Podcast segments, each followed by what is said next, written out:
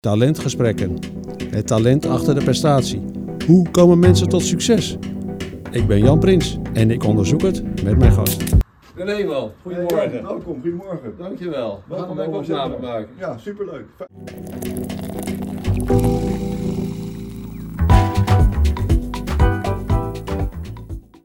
Ik had niet zoveel eh, zelfvertrouwen als ik nu heb. Ehm, Nee. Maar door de jaren heen groeit je zelfvertrouwen. Dus als je eh, dingen succesvol eh, uitvoert. Ehm, ja, en in het begin is iedereen natuurlijk een beetje on- on- onzeker. En ben je aan het zoeken in je leven. van, Oké, waar ben ik goed in? Wat wil ik graag doen? Eh, wat is mijn ambitie? Ja. En als dan blijkt dat je daarin slaagt, ja, dan, eh, dan groeit je zelfvertrouwen.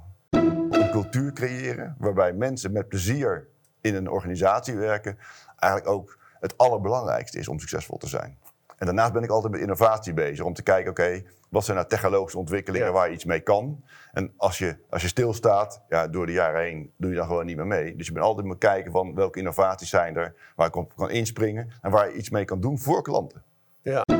Nou ja, dat heeft te maken dan weer met van die carrière, jongens. eh, En dan gebeurt er iets in de raad van bestuur. En iemand die gaat een stapje hoger. En dan zijn twee mensen die voor zijn positie in de aanreiking komen. En die ene wordt het en die andere zegt, ja, maar en, en ik dan?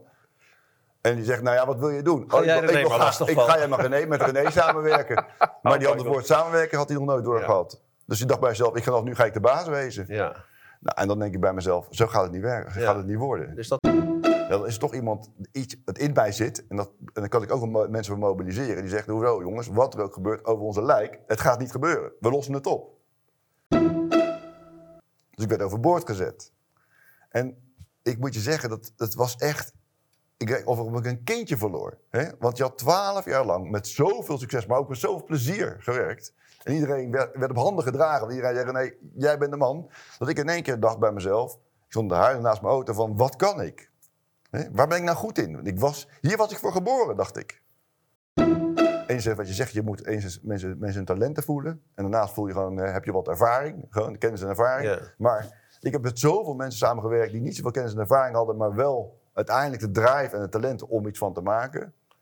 Waardoor je succesvol was. Ja. Juist door het anders te doen. Deze Nou, ik kan me daar heel goed in vinden. Laat ik zo zeggen, ik ben, ben, ben wat je zegt, in, ik ben heel erg gedreven. En ik wil graag echt, ik ben een knokker. Dus ik zeg, ik laat niet gauw los en ik wil dingen doorbereiken. Mooie voorbeelden van Eh, gegeven. ja. Eh, en dat is nou juist het mooie. Dus iedereen zou ik willen adviseren, ga na verloop van tijd gewoon weg. Zoek weer, zoek weer de wijde wereld op en vind weer iets wat op je, pas je op je pad ligt. Dus in het eerste keer vond ik het veel moeilijker. In mijn Alex-tijd stond ik te huilen naast mijn dingen. Bij, bij Knap was ik echt weer heel kwaad, heel boos. En ik heb me daarna gewoon ge- overheen gezet. Ik denk, joh, vergeet het. We gaan gewoon weer door. Ja. Ja, dat is, dat is jouw veerkracht. Ja. Hadden als, als criterium twee dingen. Meisjes mogen niet zwanger worden. Dat volgens onze KPI's. Want als je jong zwanger wordt, dan raak je in de armoede Voorbij. terecht. Ja. En twee, je moet je middelbare school afmaken. En dat waren onze KPI's. We Het kan toch niet al, anders, René, dat jij moet daar toch s ochtends wakker worden en denken van... Wauw, wat ben ik toch een geweldige vent. eh. Nee, le- nee, nee ik, wat, heb ik toch, wat heb ik toch een gelukkig leven. En Ja, wat heb ik ja. mooie dingen in mijn leven mogen Ja. meemaken. En niet dat ik een geweldig vent ben, want dan was, je doet het altijd samen. Dus u-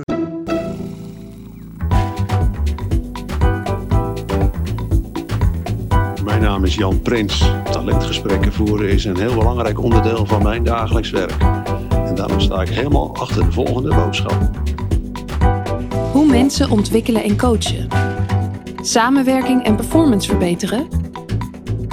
Onze positieve talentmanagementmethode biedt de totaaloplossing. Hallo, wij zijn TMA. Nou, welkom bij weer een nieuw eh, talentgesprek. Deze keer met René Vrijters. René, eh, voor wie jou niet kent. Iedereen kent jou natuurlijk. Maar jij was 25 jaar geleden oprichter van eh, Alex eh, Beleggingsbank. Eh, volgens mij de eerste fintech company die we in Nederland hadden. Dat heette toen natuurlijk nog niet zo, maar heb jij uitgevonden. Volgens mij was ook een van de eerste nuttige toepassingen van het internet, 25 jaar geleden.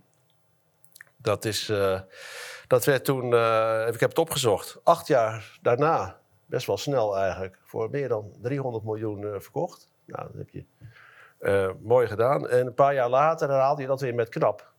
Weer opnieuw opgericht, eh, ook door jou. Dat staat nu ook eh, te koop.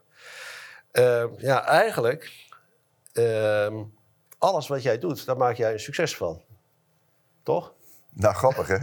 ja. En, en, dan, en dan kan ik meteen zeggen, ik heb geen verstand van beleggen en ook geen verstand van bankieren. ja, en toch maak je het succesvol. Ja, we zitten hier nu ook voor mij wel in een bijzondere omgeving van online seminar, heet het bedrijf. Eh, daar ben jij, eh, denk ik, vorig jaar ben je daar ingestapt. Nou, dat moet natuurlijk ook weer een geweldig eh, succes worden. En wat nou interessant is, ehm, want jij hebt een talentanalyse gedaan. En de interessante vraag is, en ik denk dat we daar, eh, hoop dat we daar vandaag eh, zometeen wat meer inzicht in gaan krijgen. Je hebt een hele hoge score op de drijfveer eigenwaarde. En het talent wat erbij hoort is zelfvertrouwen. En wat ik nou grappig vind, of interessant is, wat is nu, hè, ben jij nou zo succesvol omdat je dat zelfvertrouwen hebt? Of is dat zelfvertrouwen ontstaan door al jouw successen? Ja. Nou, ik denk dat het laatste aan de orde is. Ik moet zeggen, vroeger was ik echt niet zo'n man met heel veel zelfvertrouwen. Maar door de jaren heen eh, en door de dingen die je ervaart in je leven, Ja. ja, bouw je natuurlijk heel veel aan zelfvertrouwen op. Eh, Ja. En ik denk dat ik nu in die zin ook een ander mens ben geworden dan, eh, dan vroeger. Toen ik nog zeg maar ja, gewoon als een automatiseringsmeneer door de wereld liep. maar wel kansen zag. Waarbij, eh, waarbij ik zag van mezelf, oké, die technologie die, eh, die beschikbaar is, Ja. die kan je inzetten voor klanten. Eh, en als je klanten blij maakt, ja, dan word je ook wel succesvol. Ja. Maar wat wij zien van die, van die drijfveren, hè, is dat dat eigenlijk toch, dat is een beetje je mentale DNA. Het, het is niet zo dat dat in beton gegoten is, hè, maar het, het is wel stabiel. Wat je nu zegt is van, ja, was je vroeger onzeker? Was je, vond je jezelf een onzeker jongetje? Nou, Ja. niet, niet zoveel. Niet, ik had niet zoveel eh, zelfvertrouwen als ik nu heb. Ehm, Nee. Maar door de jaren heen groeit je zelfvertrouwen. Dus als je eh, dingen succesvol eh, uitvoert. Ehm, ja, en in het begin is iedereen natuurlijk een beetje on- on- onzeker. En ben je aan het zoeken in je leven. van, Oké, waar ben ik goed in? Wat wil ik graag doen? Wat is mijn ambitie? Ja, En als dan blijkt dat je daarin slaagt, ja, dan, dan groeit je zelfvertrouwen. ja. En zo is dat bij jou ook ontstaan.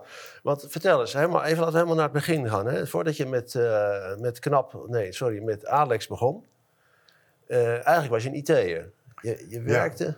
Ik heb ooit ben ik verantwoordelijk geweest voor de automatisering van de dealingroom van de Nederlandse Middenstandsbank, hè, nu ING. Ja. Daar gingen de handelaren, die handelden op de beurs. En alles ging op een stukje papier en dat moest geautomatiseerd worden. Ja, En daar kwam ik Peter Verhaar tegen. eh, Ja. Iemand met beleggen in hart en nieren, zeg maar. Een belegger in hart en nieren. Die was een soort liaison tussen het team wat ik aanstuurde en de handelaren.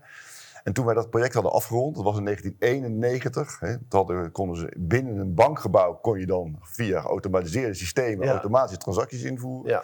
Ehm, toen zei hij tegen mij, René, waarom gaan we dit ook niet voor particulieren doen? En dat was, dat is 91. Dat is, en toen heb ik eh, jarenlang altijd contact met hem gehouden, want het was een inspirerende figuur ook en het was altijd leuk met hem te spreken.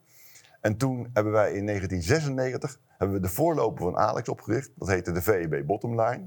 En dan kon je met voice response systemen, dus niet eens internet, maar voice response systemen, kon je Ja. orders inleggen die rechtstreeks naar de beurs gingen. Zonder enige menselijke tussenkomst. En dat werd een waanzinnig succes. Ehm, zelfs zo groot dat het succesgevend boven ons hoofd groeide. Systemen plat lagen en we meer opnieuw moesten beginnen. En toen zijn we Alex begonnen.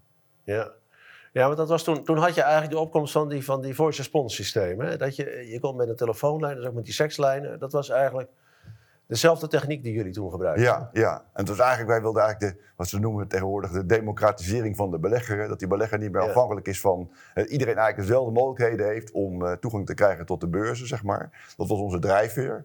Ehm, ja, en we gingen het gewoon proberen. En eh, nou ja, dat zeg altijd wel een waanzinnig succes, maar ook met waanzinnig veel problemen. En dat moet je dan weer overwinnen. En ik denk dat het overwinnen van problemen is, helpt je altijd om, eh, ja, om, om, om, om, om ook aan je zelfvertrouwen eh, te werken. Ja. Maar hoe verklaar je dat succes? Want waren jullie gewoon de eerste? Nou ja, first mover is absoluut belangrijk. Eh, maar het succes zit meer in meer dingen. Ik denk als ik kijk naar de bedrijven die ik opgericht heb, dan zijn al die bedrijven zijn één heel erg klantgericht geweest. Dus het luisteren naar klanten en het doen wat klanten willen, is daarmee eigenlijk altijd, altijd op nummer één gestaan. En tot extreem aan toe, hoe we dat deden invullen. Aan de ene kant. En aan de andere kant heb ik door de tijd eh, heen, door de jaren heen wel geleerd dat de, het, een cultuur creëren waarbij mensen met plezier in een organisatie werken, eigenlijk ook het allerbelangrijkste is om succesvol te zijn. En daarnaast ben ik altijd met innovatie bezig om te kijken, oké, wat zijn nou technologische ontwikkelingen Ja. waar je iets mee kan? En als je, als je stilstaat, ja, door de jaren heen doe je dan gewoon niet meer mee. Dus je bent altijd moet kijken van welke innovaties zijn er, waar ik op kan inspringen en waar je iets mee kan doen voor klanten. Ja. want dat, dat, dat kwam echt bij jou vandaan. Peter was de beleggingsman. En, en dat idee van, kunnen we het niet op een andere manier doen? Dat was jouw inbreng. in- Nou ja, Peter was ook natuurlijk wel de man die, die, die van klanten hield. Hè, maar hij was ook heel, heel, heel erg eh, van de beurs. Hè. Een Ja. dag bij hem niet belegd was een dag niet geleefd, bij wijze van spreken. En mijn drijf is altijd vanaf dag één geweest... hoe kunnen we nou die klanten zorgen dat die klanten helemaal verwend worden... en dat we datgene doen wat klanten willen. Eh, en dat zit denk ik nog iets meer in mijn DNA dan in die van Peter. Eh, en beide hielden we van innovatie. Maar wat, dat, wat, wat nou wat groundbreaking was wat jullie deden... was dat je het eigenlijk voor een belegger veel... de orders konden sneller Sneller, Eh, en makkelijker en goedkoper. en goedkoper. hè? Ja. Dus dat, was natuurlijk een hele sterke eh, trits.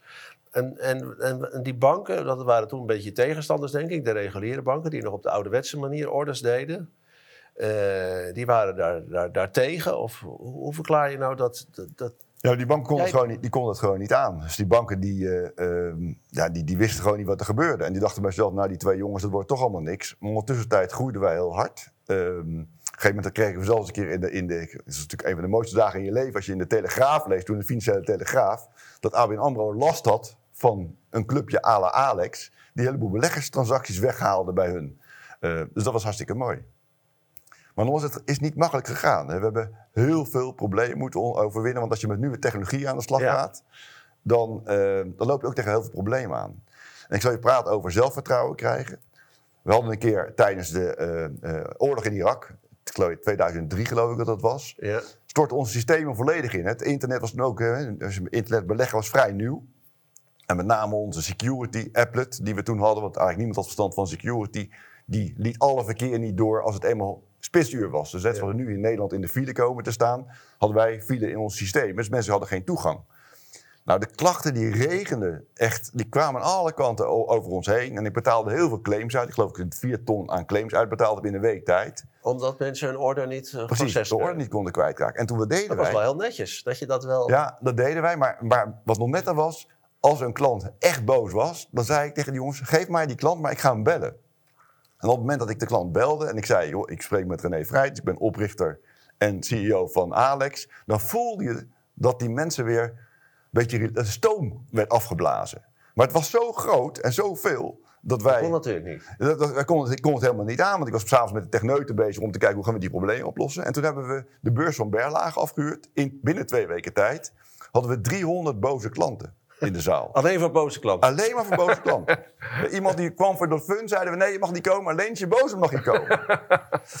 en dan snap je wel, als je 300 boze klanten voor de zaal hebt. En Peter had tegen mij gezegd, nee, ik heb geen zin om mezelf te laten aftroeven. We gaan eerst vertellen hoe goed we doen. Dus we hebben het eerste kwartier gebruikt om iedereen te, vra- te vertellen dat wij het goed deden door ze te confronteren met hun oude situatie. We zeiden van, joh, mag ik vragen, waar belegt u voordat u bij, eh, bij Alex was? En dan zei de klant, ja, ik zat bij, eh, bij de postbank. Oh, dus u moest altijd een uur tot drie kwartier wachten voordat u eindelijk iemand telefoon kreeg. Nou, zo deden we dat met al die banken. En hij zei, nee, maar daarom ben ik ook naar Alex toegekomen. En toen gaven we de, nou, de klant natuurlijk de gelegenheid om, eh, op, om nou, met ons een beetje te gaan worstelen. En dat was een fantastische worsteling, want iedere keer gaven wij gewoon eerlijk antwoord. Dus als een klant tegen mij zei, wanneer is het opgelost? Dan zei ik, dat weet ik niet. Ja, maar dat kan niet en weet ik het allemaal. En dan zei ik, ja, maar op een gegeven moment... Mensen, als u, ik zal u eerlijk vertellen... Als u het op kan lossen, dan krijgt u morgen 25.000 euro van me. Dus steek uw vinger op. Dan, hè, dat is morgen gelijk een werving zien. Ja, dus, dus, en door die dialoog aan te gaan. En op een gegeven moment was een meneer die bleef maar zeuren. En op een gegeven moment stond heel die zaal op. En die zei: Meneer, gaat u nou eens even zitten? Deze mannen vertellen toch het eerlijke verhaal. En snap je, als je zulke dingen overleeft. Ja, één, het is een fantastische ervaring. En twee, het groeit, je groeit Dat is goed voor je zelfvertrouwen. Ja, Ja, dat kan ik me helemaal voorstellen. Ja, Ja. ja. Ja dat is mooi zeg. Ehm, want het is ontstaan wel in zo'n corporate omgeving. Nou, we waren onderdeel was van, van, van Bank Ja. La toen de tijd. Eh, maar we hadden eigenlijk een volledig eigen bedrijf. Dus eh, dat is eigenlijk wel hetgene wat ik altijd wel geclaimd heb. Jongens, weg met alle hulptroepen. Ja. Ik wil het doen op de manier waarop ik het zelf denk dat ik het succesvol kan maken. Ja, maar op de een of andere manier, dat vind ik dat, dat best bijzonder van jou. Je bent eigenlijk denk ik echt een ondernemer. Maar wel een ondernemer in een corporate eh, omgeving. Ja. En daar zit de balans, eh, het, het balans vinden tussen die corporate wereld en je eigen wereld. Hè? Dus ik zei altijd, ik wil een zelfstandig unit maken, bij, bij Egon ook. Ik zeg Egon, ik wil het wel doen, maar onder vijf voorwaarden. Eén is, Ehm, ik wil een eigen merk maken. Ga niet om Dat was knap. Hè? Dat knap knap, sorry, ja. Ik, eh, knap. Ik wil een eigen merk. Want ik denk, als het Egon wordt, ja, dan moet Jan Nalleman zich ermee. Twee, ik wil eigen mensen. Je mag twee mensen leveren. Namelijk iemand die verstand heeft van bankieren, had ik niet. En iemand die verstand heeft van regels, hè, compliance. Dat is natuurlijk hartstikke belangrijk. Dat doe ik wel, maar dat doe ik vanuit mijn buik. Hè. Dan, dan, ik wil geen, eh, geen eh, eh, niet bij jullie huisvesten. Ik wil een eigen pand. Want als je in dat Egon-pand zit, dan krijg je niet je eigen cultuur. Dan is het toch wel een van de, ja, een cultuur die, waarvan ik denk, daar word je niet succesvol mee. Ik zei, ik wil IT doen op mijn manier. Ik wil best kijken naar jullie systemen, maar als het niks is, ga ik het niet gebruiken. En ik wil 25 miljoen euro. Ja, nou, mooi. Nou, randje. En, maar, dat, maar daarmee had ik zelfstandigheid gerealiseerd. Ja. Maar op een gegeven moment, als het dan niet goed gaat, dan zie je dat steeds meer mensen er graag mee willen bemoeien. En Ja. dan is het natuurlijk het zoeken naar die balans in zo'n grote organisatie tussen een beetje geven, maar ook zorgen dat je voldoende ruimte houdt. Ja. Maar dat is, dat, dat, die vijf regels, ik denk dat je die geleerd had bij Alex. Want toen wist je, toen je het de tweede keer ging doen, oké, deze vijf moet ik nu wel regelen. Ja. Dat, bij Alex was dat misschien Nee, nog niet zo nee, scherp ik ontwikkeld. heel veel vrijheid. Ja. Eh, ook toen wij de eerste keer overgenomen werden in 2004 voor 40 miljoen vanuit eh La Bouchère naar de Rabobank. En Rabobank volgde dus vier jaar later voor 380 miljoen. Kijk, Ehm, toen, had ik, toen was Rabo nog een zeer gedecentraliseerde organisa- organisatie. Dus alle units waren eigenlijk heel zelfstandig. Het was een fantastische tijd. We konden gewoon doen en laten wat we wilden. Ook onder de Rabobank. Ook onder de Ja. Rabobank. En toch zie je dat als je kijkt naar, laten we zeggen, lessen van innovatie, dat iedere keer als een groot bedrijf probeert te innoveren, dat het eigenlijk altijd mislukt. Ja, maar dat heeft te maken als ze ermee gaan bemoeien. Ze denken vaak altijd uit, uit synergie. Hè, dus bij de Rabobank heb ik zelf discussie gevoerd. Toen zei ze op een gegeven moment, ja, we zijn een heel groot project aan het uitvoeren Ja. op het gebied van IT. En dan kunnen we dadelijk jullie effectenorders ook door ons systeem. En toen zei ik, nee, dat ga ik niet doen. Ik heb vaak nee gezegd. En zei ze, jawel, nee, dat moet. Ik zeg, ik doe het gewoon niet, anders ga ik weg. Want het probleem is, bij ons als zaten de mensen van IT zaten naast de mensen van de frontend. Dus als het een keer fout gaat, hebben ze dicht- direct contact met elkaar. Ja. Als het dan gaat in een systeem van de Rabo, dan kan je bellen. Je krijgt geen, geen follow-up, je weet niet wat er speelt. En nou die jongens zijn toch niet zo goed in technologie als wij Ja. waren. Ik geloofde er gewoon niet in. Ja. En dan weigerde ik het ook om het te doen. Ja. Ja, en dat is ook weer, eh, we zeggen, jouw talent. Want je moet denk ik heel stevig in je schoenen staan. Als jij toch in zo'n grote organisatie werkt. En uiteindelijk ben je toch, laten we zeggen, de onderknuppel van IT. En dan heb je die, die raad van bestuur en die, en die grote meneer, eh, toen de tijd nog en nu ook wat mevrouw, die dan tegen jou... Ik denk dat dat toch heel intimiderend werkt voor mensen die ideeën hebben in grote organisaties. Eh, En op de een of andere manier heb jij dat weten te weerstaan. Ja. Maar je moet op een gegeven moment ook je, je, je, je, weten waar je, hè, waar je de, de, de paaltjes zet. En die kunnen, staan niet altijd 100% vast, want je hebt natuurlijk een, een, zeker een dynamische omgeving. Maar je moet wel weten, dit zijn de criteria waarin ik succesvol kan zijn. En als aan die criteria wordt gesneden, ja, dan moet je gewoon zeggen, sorry, maar dan doe ik niet meer mee. Tot hier en niet En dat heb ik ook wel eens een paar keer in mijn leven ook echt gezegd natuurlijk tegen mensen van de raad van bestuur. Van jongens, als dat gebeurt, dan ga ik weg. Zo ben ik ook bij KNAP weggegaan. Er gebeurde gewoon iets. Er werd iemand naast mij gezet die echt totaal niet de genen van KNAP had. Alle kernwaarden werden binnen no time over, hè, opzij gezet. En ik dacht bij mezelf, dit gaat gewoon niet worden. Ja. En dan, als het dan niet werkt, was binnen zes weken was ik weg. Ja. ja, dat is de consequentie. Dat is de consequentie. En die pak je dan ook. Ja, En, wa- en waarom gebeurde dat dan bij KNAP? Want eh, je, je had die vijf principes. Nou, daar waren ze dan, veronderstel ik, mee akkoord gegaan.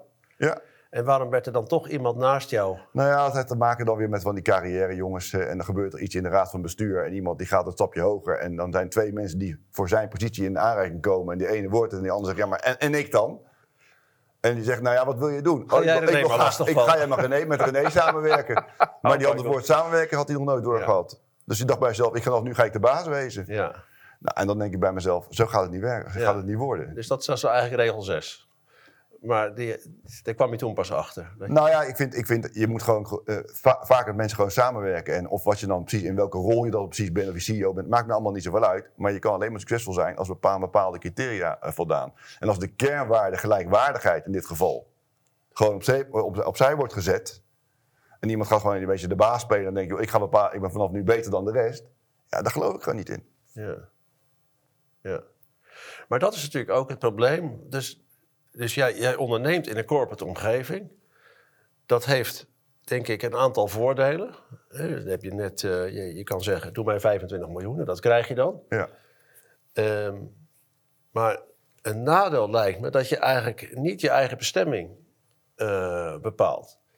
Als het jouw eigen bedrijf is en je hebt zelf, laten we zeggen, de aandelen, dan heb je ook eh, de controlling. De Ik controlling vote. Ik wilde, ik wilde toen, eh, toen eh, Alex verkocht werd in 2004, uiteindelijk bij de Rabobank, wilde ik het zelf kopen. Met investeerders, met klanten, want die klanten hadden geld, geld genoeg.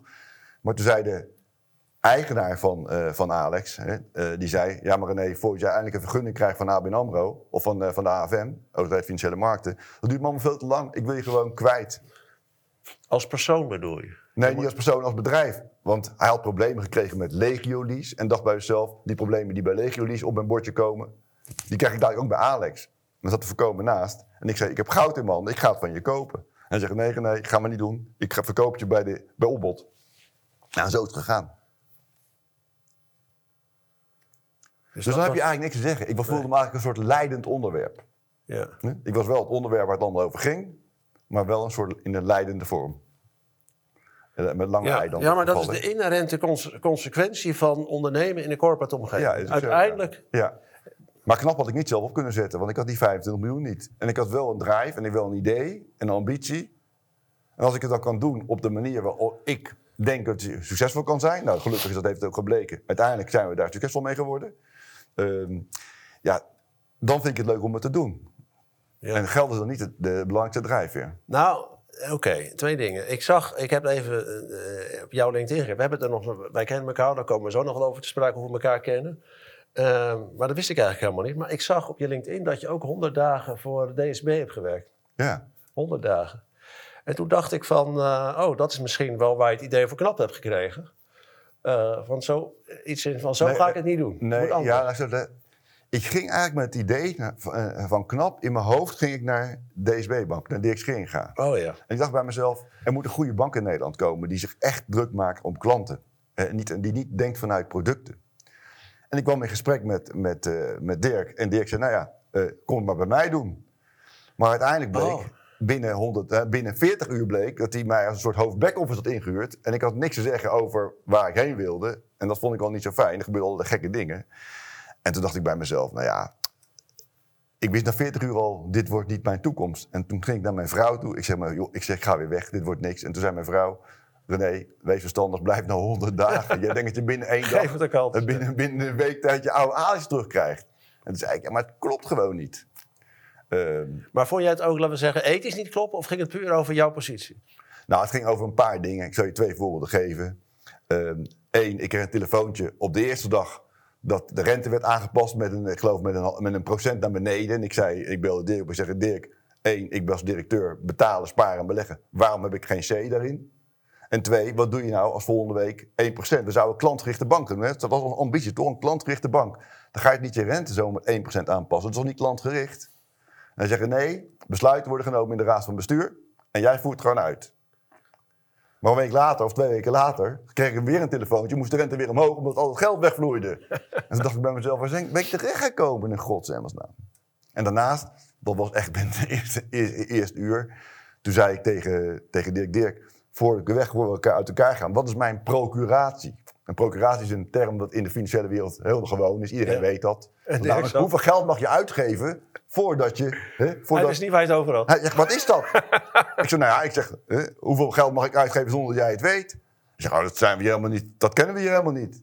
Ik zeg, nou ja, ik zeg, bij de Rabobank mocht ik eh, eh, een miljoen uitgeven samen met een van mijn mededirecteuren. En daarboven moest ik naar de raad van bestuur.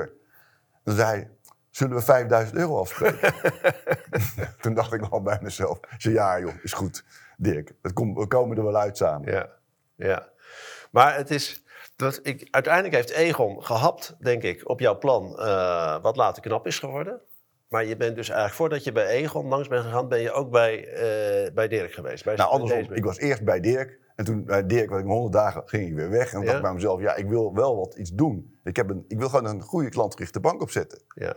En wat ga je dan doen? Je gaat gewoon met een paar A4'tjes zitten. Ik ben een paar andere mensen tegengekomen. Eh, een van de oud-medewerkers van Alex, Marcel Kalsen. En Rachelle van der Linden ben ik tegengekomen. En toen z'n drieën zijn we gaan nadenken, hoe kunnen we nou een leuke bank gaan maken? En met dat idee ben ik gaan shoppen ja. bij een aantal partijen. En uiteindelijk kwam ik bij Egon terecht en die waren waren geïnteresseerd. Ja, dat is, dat is toch wel een beetje geïnspireerd door, eh, door je ervaringen bij DSB. Want het moet anders. Ja, nee, dat vond ik zelf wel. Ook voor, mijn, voor, voor de ESB. Het was wel meer dat ik dacht bij mezelf, een hele bank opzetten is zoveel werk. Als ik het nou kan doen, iemand bij, een- bij een bank die al een bestaande eh, bankvergunning heeft. En op dat moment zat ook, eh hoe heet de meneer van ABN AMRO, eh, van de VVD, zat daar. Eh, Zalm. Zalm, ja. En ik denk bij mezelf, nou als meneer Zalm er zit, kan meneer Vrijs er ook zitten. Als had ik het nooit gedaan. Ja, ja, ja. Ja, die heeft het iets langer dan jij volgehouden. Nee, nee, nee, hij werd op een gegeven moment opgeroepen om ABN AMRO te gaan leiden. Dus hij was, eh, oh ja, maar in totaal misschien wel. Ja, Ja. ja dat wel. Ja. Ja. Ja, terwijl, ik, heb dat, ik ben er niet zo helemaal echt in thuis, maar wat ik wel eens heb meegekregen, is dat het, voor mij is er nog steeds een claim. Hè, DSB is, is, laten we zeggen, min of meer bewust onderuit gehaald, toch? Door de... Ja, maar dat heeft te maken met politiek. Ja. Als, je dus als je in Nederland, als je je niet een beetje conformeert weer dat spel speelt tussen luisteren en eigenwijs zijn. Hè? Luisteren, in dit geval bedoel ik luisteren naar de Nederlandse bank. En je ook een richtlijnen houdt. En je bent altijd maar aan het afgeven.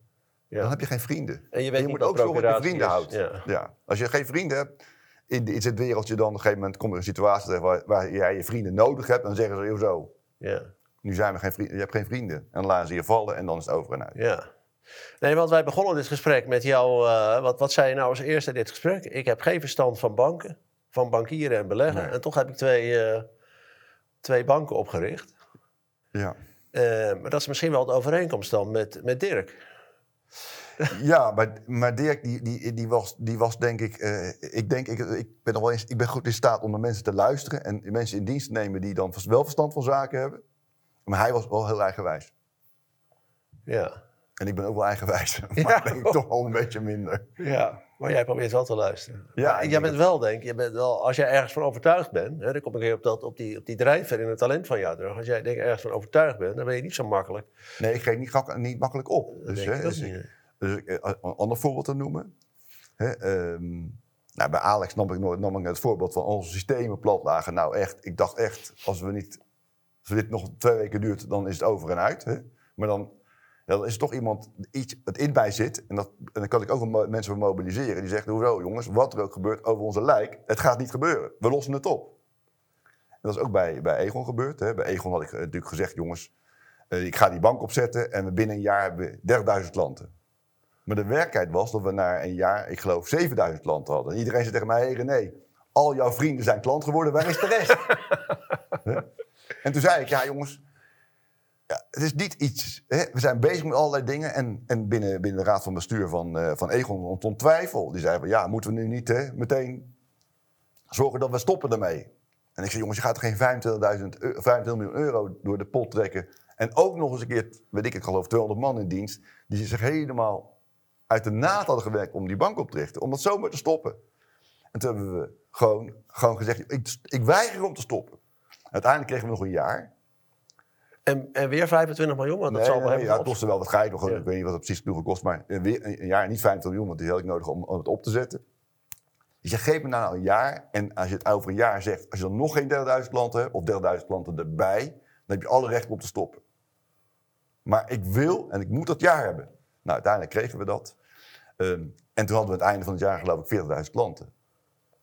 En dat gaf weer aan dat we, dat was het mooie daarvan, Focus, focus, focus. Dus als je ondernemer bent, hè, wat doe maar één focus? Klanten. Dus alle plannen die langskwamen, die vaak in organisaties rondkwamen doen en die aan het gaat doen, die werden opzij gelegd als het niet leidde tot meer klanten. En ik denk dat dat het mooie ervan was.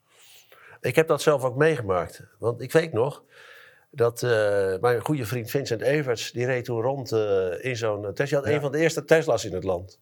En die had jou verleid om daar een groot knap-logo op te zetten. Ja. Zodat knap Klopt, eh, met die Tesla kon... eh, dat die Tesla rondreed. En dat was toen natuurlijk, er is iets overal... maar toen was dat best nog wel een bijzondere auto. Ja, En eh, we hadden een contract voor drie jaar. Dat had ik nog met Marcel afgesloten. Voor Vincent. Oh want ik ben wel beter met contracten. Ja, ja. En toen was het inderdaad dat na een jaar werd dat stopgezet. En je legt eigenlijk nu uit waarom. Hè? Ja. Want dat droeg natuurlijk helemaal niet bij aan meer klanten. Nee. Er, stond, er stond wel een logo op. Maar ja. Ja. verder is niks natuurlijk. ja. Maar hoe kwam het dan dat je wel die klanten kreeg? Wat, wat had je dan na het jaar veranderd? Nou, we, hadden een- we waren al bezig met het opzetten van een propositie... waar eigenlijk nu volledig op draait op, voor, voor zakelijke rekeningen. Hè, voor ZZP'ers. Maar die hadden we nog niet klaar, want we moesten een keer, hè, moesten een keer live. Eh, dus eh daar waren we al mee bezig. En daar hebben we toen eigenlijk echt, echt een prijspropositie van gemaakt. Dus ik heb geleerd ook wel in de financiële wereld. Het is heel moeilijk om in de markt in te treden, zeg maar, als je geen prijspropositie hebt. Dus en, daarna, ik Ik hou echt bedoel, van een scherpe prijs. een scherpe prijs. En ik hou van waardeproposities. Toen hebben we daar een prijspropositie van gemaakt. Dus ik weet niet, maar het was echt rete goedkoop. Voor mij 5 euro. Ik ben ja, klant. 5 euro. Volgens mij betaal Ja, ik nu 5 betaal je euro. meer geloof ik, Ja. 6 geloof ik. Maar 5 euro was het toen. Ja. En dat was echt... En, en onbe, ik geloof onbeperkt aantal eh, Transacties, ja, alle een- banken was een flat voor iedere transactie rekenden ze een bedrag. Nou, en dat sloeg in als een bom. En daarmee hadden wij eigenlijk heel snel die snelheid te pakken. Ja. Maar dat stond niet in je originele businessplan. Dus het originele businessplan was Nou, dus het, was ook, het, was, consumenten. het was veel meer gericht op personal finance, zowel voor ondernemers als voor particulieren. En want juist ook ZZP'ers die doen veel te weinig aan, aan nadenken over hun financiële gezondheid, gezondheid. Niet alleen per vandaag, maar ook in de toekomst. Ja. Dat was wel op gericht, maar we waren gewoon, hadden het nog niet geïmplementeerd. En, en ja, op een gegeven moment, nou, ik was twee jaar heb ik erover gedaan om knap live te krijgen. Ja, dan kun je nog een half jaar wachten, maar je ook denken, ik ga gewoon live. En daarna maken we het volgende stuk wel af. Dus een half jaar later hebben wij toen die zakelijke rekening geïntroduceerd. ja, dat was het succes. En daar kwam, daar kwam inderdaad die toeloop eh, heel mee. Ja. Maar toch even dan, want was het dan nog wel eh, winstgevend te maken? Want het Nou ja, het is nu heel winstgevend, maar een bank krijg je niet zomaar, niet zomaar winstgevend. Onze, onze oorspronkelijke businessplan hadden we ook geloof ik vijf jaar de tijd. Vijf jaar moest er gewoon geld bij voordat pas het machine ging lopen. Nou ja, en nu wordt er heel goed geld verdiend. Ja, ja. Ja. Mooi. Ja. Ehm, even een ander, eh, ander onderwerp. Hoe wij elkaar eh, wat beter hebben leren kennen. Dat is ook een, eh, een, dat is de stichting Chommy. ja. Daar ben jij voorzitter van. Oprichter ook, of ik weet het eigenlijk niet, bestond het al? Of? Ja en nee. Het is, Stommy is een donorstichting eigenlijk voor ontwikkelingsprojecten gericht op kinderen in Zuid-Afrika. Ja. Ik zal je vertellen, Jan, hoe dat ontstaan is. En dan praat dan praat over zelfvertrouwen en ze- geen zelfvertrouwen. Hè? Ik had Alex opgericht en ik had dat inclusief de VE Botman 12 jaar gedaan. En toen werden we overgenomen door Big Bank voor dat hele grote bedrag. En de raad van commissarissen van Big Bank zei... René, er is maar één kapitein op een schip, jij moet overboord. Dus ik werd overboord gezet. En ik moet je zeggen, dat, dat was echt... Ik of ik een kindje verloor. Hè? Want je had twaalf jaar lang met zoveel succes, maar ook met zoveel plezier gewerkt. En iedereen werd, werd op handen gedragen. Want Iedereen zei, René, jij bent de man. Dat ik in één keer dacht bij mezelf... Ik stond te huilen naast mijn auto van, wat kan ik? Hè? Waar ben ik nou goed in? Ik was, hier was ik voor geboren, dacht ik. En- Maar dat, dat was niet onderdeel van de package toen jullie werden overgenomen. Dat was, Ja, ik moest gewoon eruit. Ik, de onderdeel van de package was, Want- ik moest eruit. Want Big Bank was de bovenliggende partij. Ja, jullie werden precies. overgenomen. Ja, dus jullie- er was ook geen... Nee, en een Big Bank die wilde nog mij wel hebben, de, de raad van bestuur. Maar de raad van commissarissen zei, eh, wij geloven niet in twee eh, kapiteins op een schip. Zal ik daar vertellen waardoor dat misschien ontstaan is? Ehm, en toen stond ik dus naast mijn auto en toen dacht ik bij mezelf, wat kan ik en wat moet ik nou verder met mijn leven? Ja. Toen dacht ik bij mezelf, ik wil iets gaan doen in, in gewoon mijn hoofd schonen in Zuid-Afrika. Toen kwam ik Hugo Tempelman tegen en die zei, wil je een theater bouwen? En dat, ik heb een theater gebouwd voor, voor Hugo, terwijl ik nog nooit een theater gebouwd had. Nee. Maar daar kwam ik achter, heel snel, dat ik als 35 ongeschoolde mensen, dat ik ze heel snel achter mijn karretje kon, kon, eh, kon- of, of eh, achter mijn Ja. karretje kon spannen. Door gewoon leuke dingen met ze te gaan doen. Door ze te betrekken bij het project. Want normaal ja, moesten ze gewoon stenen stapelen. En ik, en ik, liet ze, ik maakte ze onderdeel van het planningsproces. Dus ik vroeg aan ze, jongens, vertel me eens eventjes, hoeveel meter gaan jullie per dag graven? Om een sleufje te maken voor de fundering. En dat was een heel leuk proces, hadden ze nooit gedaan. En daarmee kreeg ik interactie met die jongens. Op een gegeven moment zei, gingen ze in Zulu praten, ik kon het helemaal niet meer volgen. En we hebben een deeltje gemaakt. En ik zei, nou weet je, als je het halen, krijg je een braai. Dus door mensen mee om te gaan en foto's te maken van ze... en dan naar, het naar de eerste, naar de eerste eh, evaluatie, zeg maar... die foto's te laten zien en zeggen... jongens, ik heb één iemand heb ik niet gezien. En ze zijn allemaal aan te kijken van ja, want ze vonden ze allemaal leuk dat ik al die foto's maakte, een soort evaluatieproces. En ze zei, ja, wie dan? Ik zei, nou, die blanken natuurlijk, die hebben niks zitten doen. Hè? En op die manier ontstond er een sfeer. En hebben we in een half jaar tijd een fantastisch theater gebouwd. Ja. En mijn les was, ik weet wat mijn kracht is. Mijn kracht is mensen bij elkaar brengen. En zorgen dat die mensen datgene gaan doen om weer iets moois te maken. ja.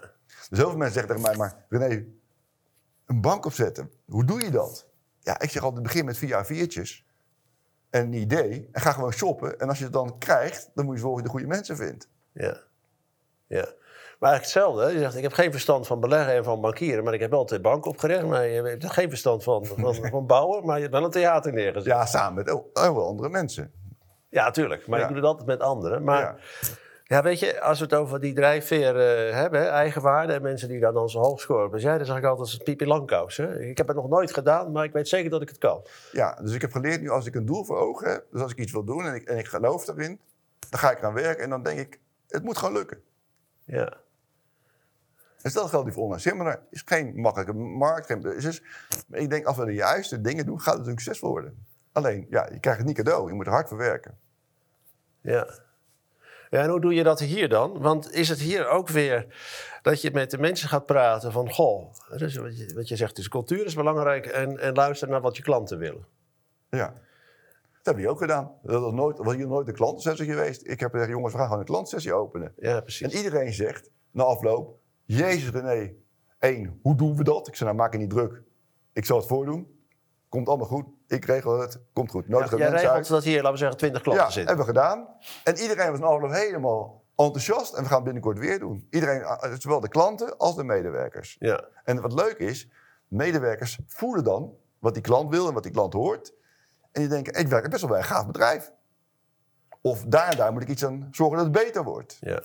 En dat is denk ik het mooie. Dus het gaat er puur om, zeg ja, je moet gewoon de voice van de klant in de organisatie brengen. Ja, en, en niet voor je klant denken. Niet, niet denken Nee, dat nee. jij wel weet wat die klant nodig Nee, heeft. heel veel met je klanten praten en luisteren. En, vind, en klanten worden daarmee ook krijgen het gevoel van, die worden Die gewaardeerd. worden betrokken. Hè? Die voelen zich- Ja, en die voelen zich gewaardeerd. En die voelen zich ook belangrijk. Van, hé, hey, er wordt naar mij geluisterd. Ik ben belangrijk blijkbaar. Dus het werkt eigenlijk dubbel op. Ja, de klant wordt meer geïnvolveerd. In, Ja. hè, die denkt van, nou, dit is een leuk bedrijf. Daar wil ik gewoon klant zijn, want ik word serieus genomen. Ja. Maar en je haalt ook kennis een- binnen die je zelf eigenlijk hier vanuit deze, dus geen ivoren toren, maar die je eigenlijk vanuit dit gebouw eigenlijk niet zelf En er komt ook een visie bij. Hè? Dus de visie is... Hè? Want eh, als je geen visie hebt, dan kun je, die visie kun je gaan toetsen. En dan kun je luisteren wat klanten vinden. Het begint ook met een visie. Mijn visie is voor dit bedrijf... Ze hebben altijd technologie verkocht. Hè? Dus altijd webinar tools. En dan een mooie studio, zoals we nu in Ja. zitten. De Hè? studio is geweldig. Ja, is geweldig. Ja. Hè? Eh, maar dat, dan ben je een facilitair bedrijf. En ik geloof dat de toegevoegde waarde niet zit in het facilitair bedrijf zijn. Dat is heel erg inwisselbaar. Dus wat zijn we nu aan het doen? We zijn onze strategie aan het aanpassen. We zeggen nee, we moeten met name concepten gaan bedenken. Aan een klant vragen, wat is jouw uitdaging? En hoe kan ik nou die uitdaging, hoe kunnen wij helpen om die uitdaging op te lossen middels het inzet van interactieve digitale events? Maar is dat nu wat je geleerd hebt van je klanten? Dat die klanten zeggen, we willen wel, maar we weten eigenlijk niet eh, wat voor, wat Nee, voor het is inhoudelijk concept we nodig visie. En met die visie ga je, aan- bij, ga je bij klanten toetsen. Oké, En als die klanten enthousiast raken en zeggen, ja, laten we het gaan proberen, dan ga je uiteindelijk die kant uit. ja. Ja, precies. Dus je moet het niet aan de klant vragen. Kijk, dat is natuurlijk het beroemde voorbeeld van, van Steve Jobs. Als je aan een klant had gevraagd van, eh, wil je een iPhone? Was, de klant kan dat niet verzinnen. Nee, je moet zelf en zelf Ford is ook zo'n mooi Ja. voorbeeld. Nee, dat- nee, het gaat, het gaat iets, anders. De klant komt er zelf niet mee. nee. Dus als jij, jij, moet, als jij als jij een visie of een idee hebt, dan ga je toetsen bij de klanten. Nou heeft eh, Steve Jobs is nog een beetje nog eigenwijzer. Hè? Die, die toetst helemaal niks. Nee. Daar geloof ik dus weer niet in. Ik geloof juist wel veel toetsen. Maar ik denk wel dat je zelf een visie moet ontwikkelen. En dan ga je die visie toets- toetsen. Ja. ja, het begint wel met je eigen idee. Ja. En maak het nou eens heel praktisch voor mij, want je bent met de visie hier ingestapt. Want volgens mij, even, eh, je was voor mij een investeerder. Het bedrijf Ja, is heel eh, klein. Ik was een kleine ooit, investeerder. ja, Het ging na, na de corona niet meer zo goed met het bedrijf. En toen heb je het overgenomen en nu ben je eigenlijk weer met nieuwe energie Ja. erin aan het stappen. Ook weer, ik heb nog nooit online seminars eh, geregeld, maar ik denk dat ik het kan. Dat ik Nee, maar, ja, precies. Maar mijn visie is dus... Als je kijkt natuurlijk wat in de maatschappij plaatsvindt. Hè, er is heel veel polarisatie in de maatschappij. Hè, en dat is, dat, ik geloof er niet in. Hè. Uiteindelijk verbinding zorgt ervoor dat mensen fijn met elkaar samenwerken. Dat is één. En twee, je kijkt natuurlijk naar, naar heel veel bedrijven. Die proberen zoveel mogelijk een muur op te zetten... om maar niet in contact te komen met de klant. Hè. Zo, ik vind nergens een telefoonnummer. En een, een mail, mail sturen bij voorkeur ook niet. Je kan online chatten. En ik denk bij mezelf, een klant wil juist graag vertrouwen hebben... en een binding hebben met een bedrijf. Dus als je digitale events kan organiseren voor die klant, waarbij de klant jou in de ogen kan kijken. En je kan ook misschien klanten uitnodigen in het gesprek en te horen wat er, wat er doet.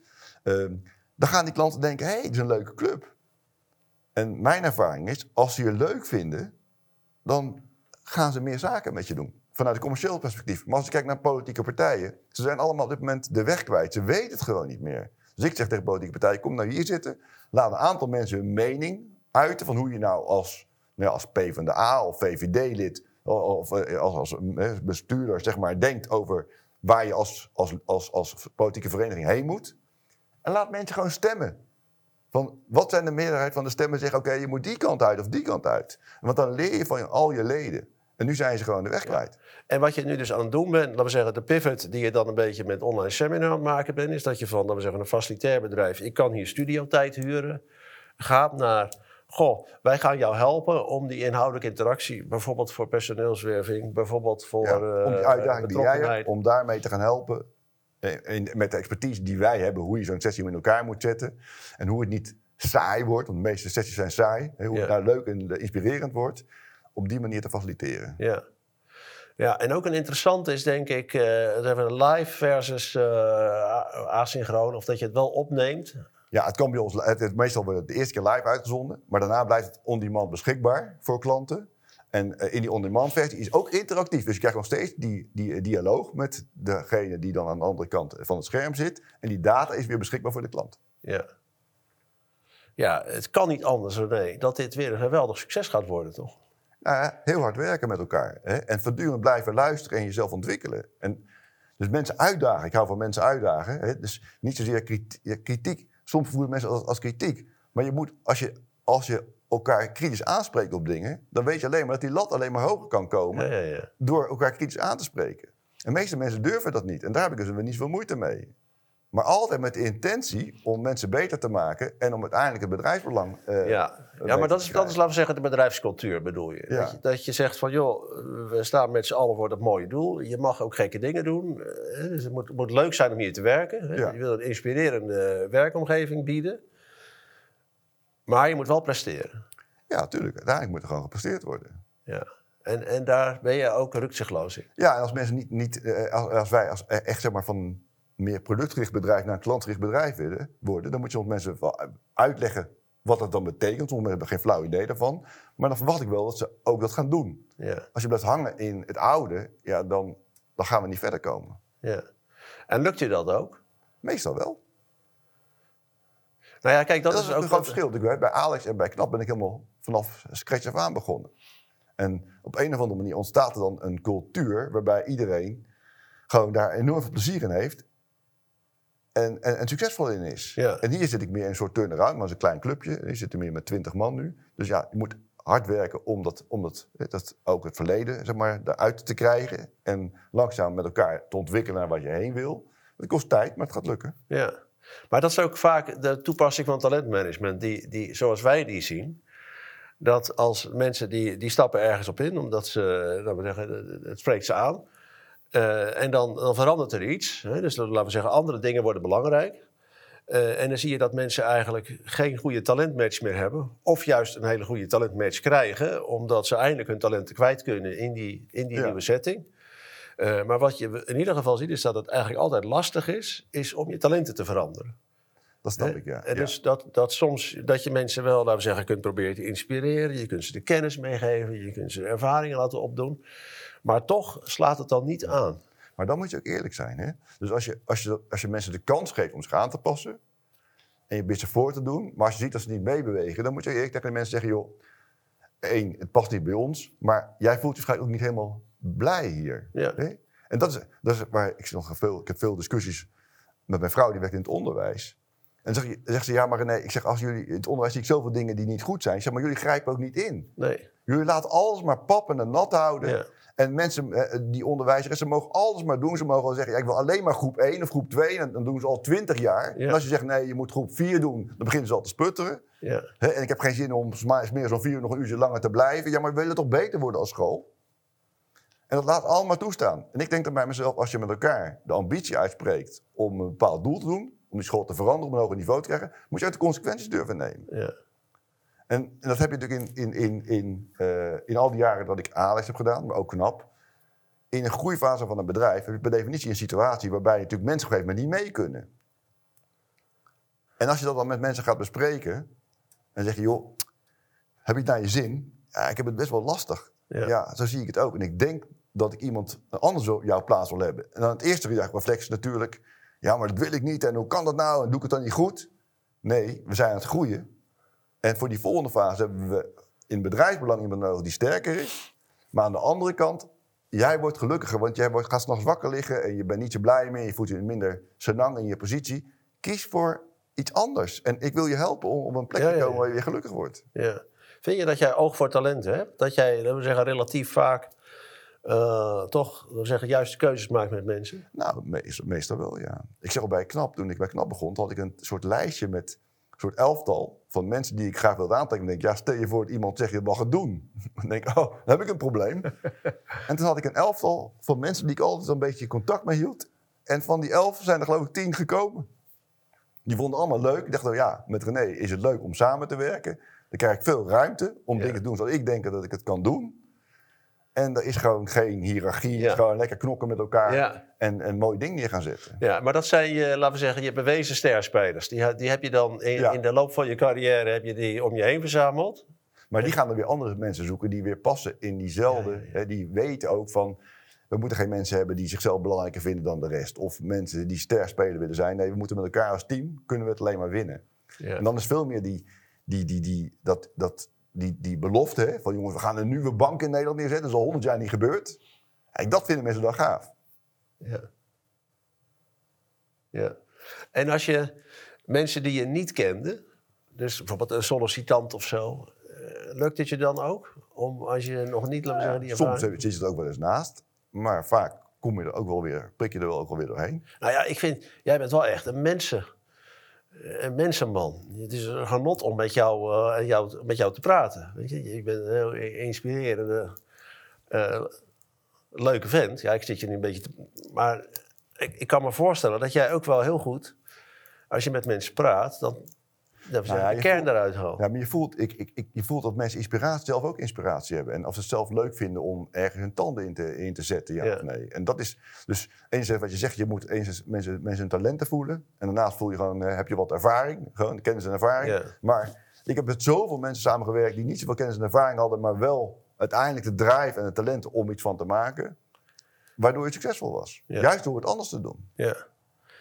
Want uiteindelijk is dat ook echt het echte recept voor succes. Dat je de juiste mensen denk, ik, om je heen verzamelt. Want Absoluut. je kan niet een bank beginnen in je eentje. Nee, het gaat erom dat jij eh, al die mensen om je heen verzamelt... die Ja. dat uiteindelijk gaan doen. In een grote club, denk ik, is het altijd belangrijk. Je hebt maar twee doelen.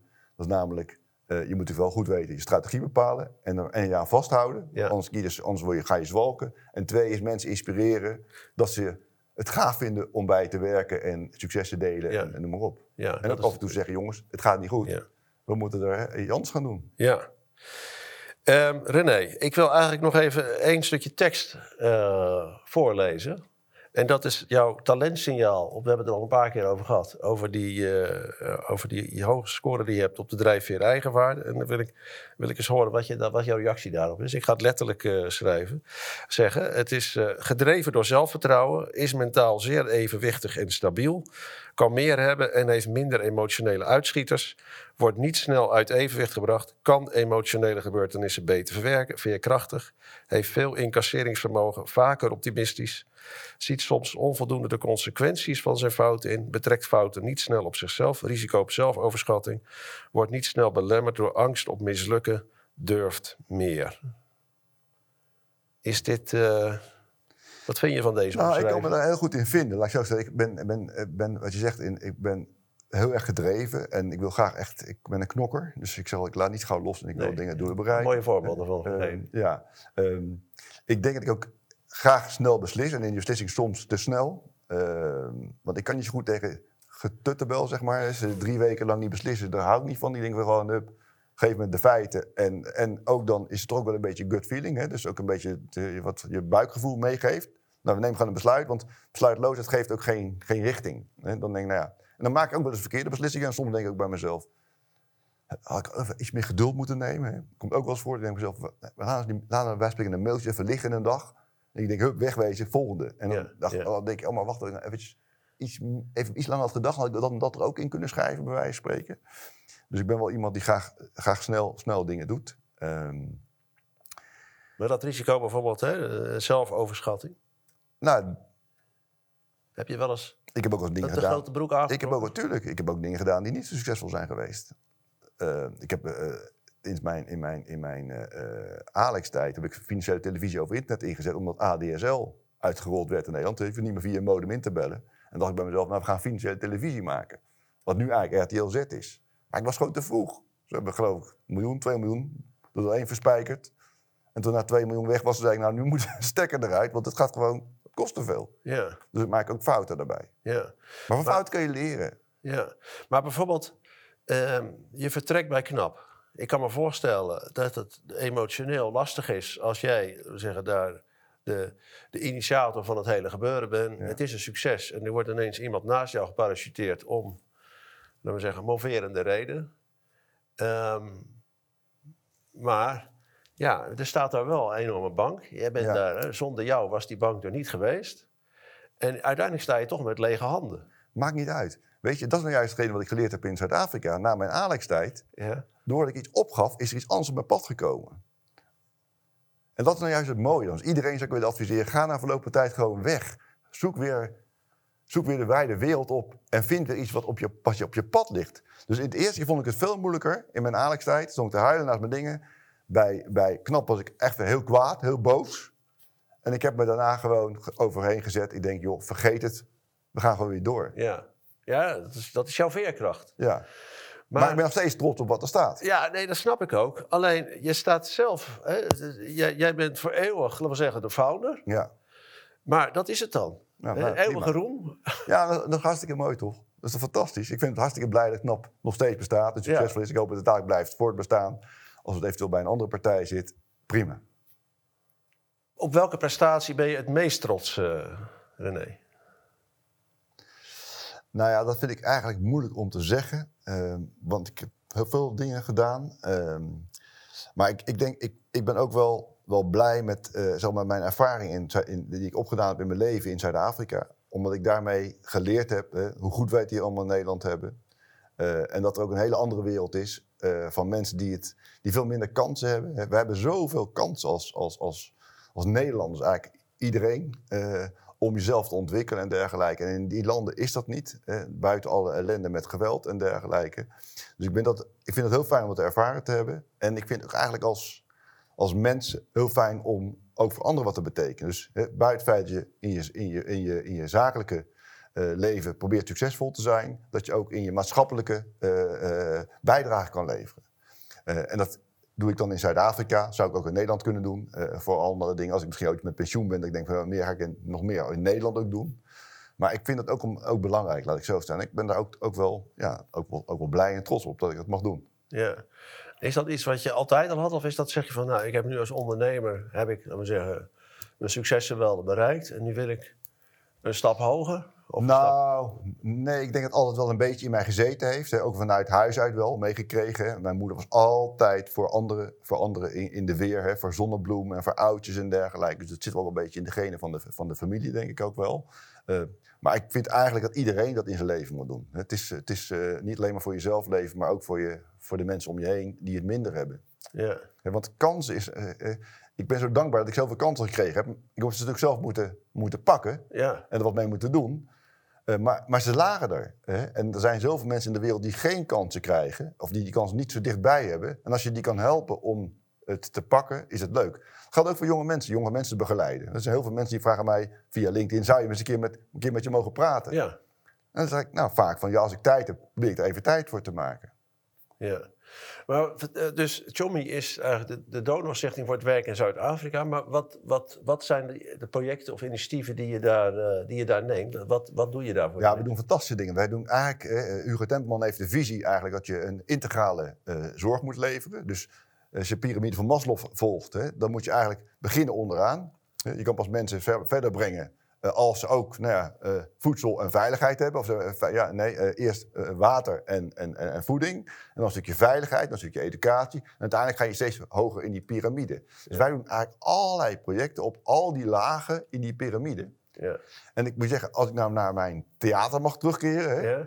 eh, ik zeg tegen Hugo, Hugo, waarom wil je een theater in een township? Hè? ja. En toen zei hij tegen mij, René, om twee redenen. Eén, we hebben heel veel te maken met HIV in Zuid-Afrika. En 80% van de, eh, van de mensen heeft geen HIV, maar 20% heeft HIV. En als ik er nou voor kan zorgen als arts, door preventief iets te doen... en die 80% kan 90% worden, dus die zijn niet besmet... en 10% besmet, dan heb ik waanzinnige impact. Ja. Ehm, en dat wil ik doen middels drama. Dus als ik een drama kan gaan vertellen over wat je hebt meegemaakt en dergelijke, hoe, hoe je het kan voorkomen, dan, dan wordt dat bewustzijn groter en kan ik preventief iets doen. En hij zegt, en ik wil graag een platform creëren waarbij mensen hun talenten kunnen, on- eh, kunnen showen. Want als je je talenten showt en je krijgt waardering, applaus in dit geval, in, dan groei je qua zelfvertrouwen. Ja. als je zelfvertrouwen groeit, dan kan je wat betekenen voor de samenleving. Dat was het rondje. Weet je alles Nou, van, we weten Ja. er alles van. Ehm, we zijn toen een koor gestart met jongens en meisjes die allemaal echt... Is ieder, al die individuele verhalen van die kinderen horen is echt dramatisch. Hè? Ja. De een is verkracht, de ander heeft geweld gepleegd. Dat is echt allemaal niet fijn. De meesten hebben geen, geen ouders. Ehm, en we zijn dat, we zijn dat eh, begonnen. En hadden als, als criterium twee dingen. Meisjes mogen niet zwanger worden. Dat volgens onze KPI's. Want als je jong zwanger wordt, dan raak je in de armoede Voorbij. terecht. Ja. En twee, je moet je middelbare school afmaken.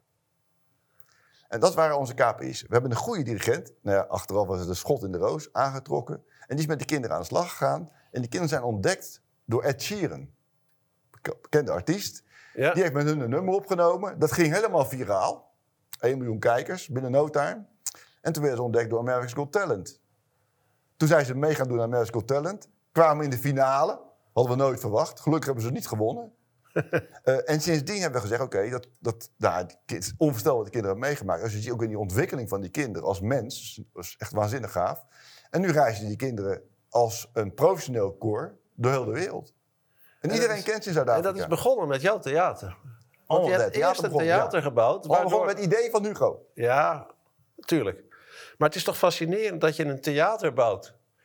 En dat het theater ervoor zorgt dat mensen denken... nou, als we een theater hebben, dan gaan we maar een koor beginnen. En dat dat koor dan zo succesvol... Ja, het is echt eh, onvoorstelbaar. Eigenlijk is het toch... Ja.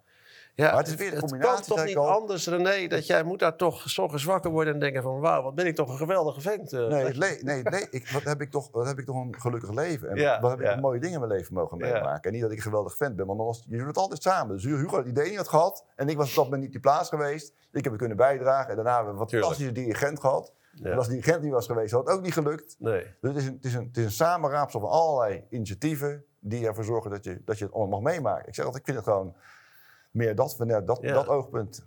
Maar het is toch wel... Je had natuurlijk nooit voorzien. Je denkt, ja, oké, bouw een theater. Ja, Maar dat er dan dit uitkomt, dat is ja, dat is, eigenlijk- ja maar dat is alleen maar heel gaaf. Ja, Ja. ja maar dat, dat, dat had ik ook gehoord. Dat, dat het koor is eigenlijk zo succesvol nu... dat het eigenlijk ook weer een inkomstenbron wordt Ja. voor, voor de We stichting. hebben het dus voor de stichting hebben we het geprofessionaliseerd. We oké, Ja. laten we het koor nou professionaliseren. We hebben één keer geloof ik 100.000 euro gestort. In drie jaar tijd moet je zorgen dat het allemaal... Hè? Die kinderen verdienen nu gewoon geld. En de helft van de aandelen is voor de stichting. Dus einde van het jaar, als geld overblijft... gaat de helft van de dividend, zeg maar, gaat terug naar eh, andere projecten. Ja, En dat is natuurlijk superleuk. ja. ja. Maar met name wat ik met die kinderen gebeurt. Die kinderen zijn rolmodel geworden in Zuid-Afrika zeker, maar waarschijnlijk in een veel bredere scope in de wereld. Dat kinderen die eigenlijk kansloos zijn, dat die nou ja, op zo'n podium kunnen optreden Ja. waar ze nu doen. Dat is echt waanzinnig. Ja. En wat is nu het... ehm, hè, want wij, je kunt ook Afrika helpen door, eh laten we zeggen, via onze overheid. Hè, die doen ook allerlei dingen, een ontwikkelingssamenwerking. Dit is een privaat initiatief. Eh, hoe, vergelijk je die nou met elkaar? Kan dat elkaar versterken? Of? Nou, het kan misschien elkaar versterken, maar de ene keer weet je niet waar je euro heen gaat. En hier weet ik waar de euro heen gaat. Wij meten alles. Hè. Dus een monitor- en evaluation programma hebben we staan, waardoor we echt meten de impact. Hè. Want als ik bij wijze van spreken 1000 euro aan een goed doel geef, ehm, je weet niet wat je eruit krijgt. En bij ons, je geeft 1000 euro erin, je weet zeker dat je het geld kwijt bent, maar je krijgt dividenden voor terug in de vorm van echte impact die je creëert op lokaal niveau. Eh, en dat vind ik het mooie van wat, wat kleinere NGO's. Ehm, dat die gewoon veel meer bezig zijn. Oké, we zijn niet bezig om bezig te zijn. Nee, we willen impact Nee. creëren. Ja. Nee, eigenlijk zou je dat veel meer moeten hebben. Alleen dan ben je dus afhankelijk van mensen zoals jij. Om, die zo'n initiatief Ja, maar er zijn, heel, nemen. er zijn waanzinnig veel goede initiatieven denk ik, in de wereld. Hè. Eh, en nogmaals, ik ik ken er een aantal. En overal eh, worden er fantastisch goede dingen gedaan. Ja. Ja. Ik wil eigenlijk nog één iemand bij jou ter sprake brengen. Eh, dat is Ali Niknam.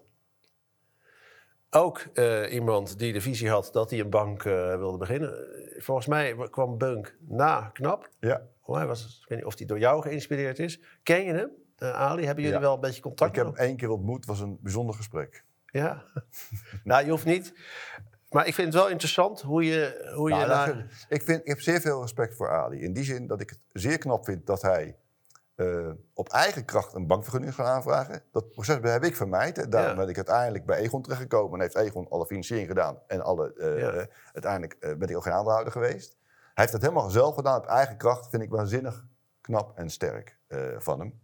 Ehm, ja, zeg, maar, mijn gesprek wat ik met hem had was wel heel bijzonder. In de vorm van, hij vroeg aan mij, heb je een NDA getekend? Ik zeg, nou ja, ik, heb, ik teken nooit een NDA. Want ik, je weet niet welke goede ideeën ik in mijn hoofd heb en ik die voor jou ook niet.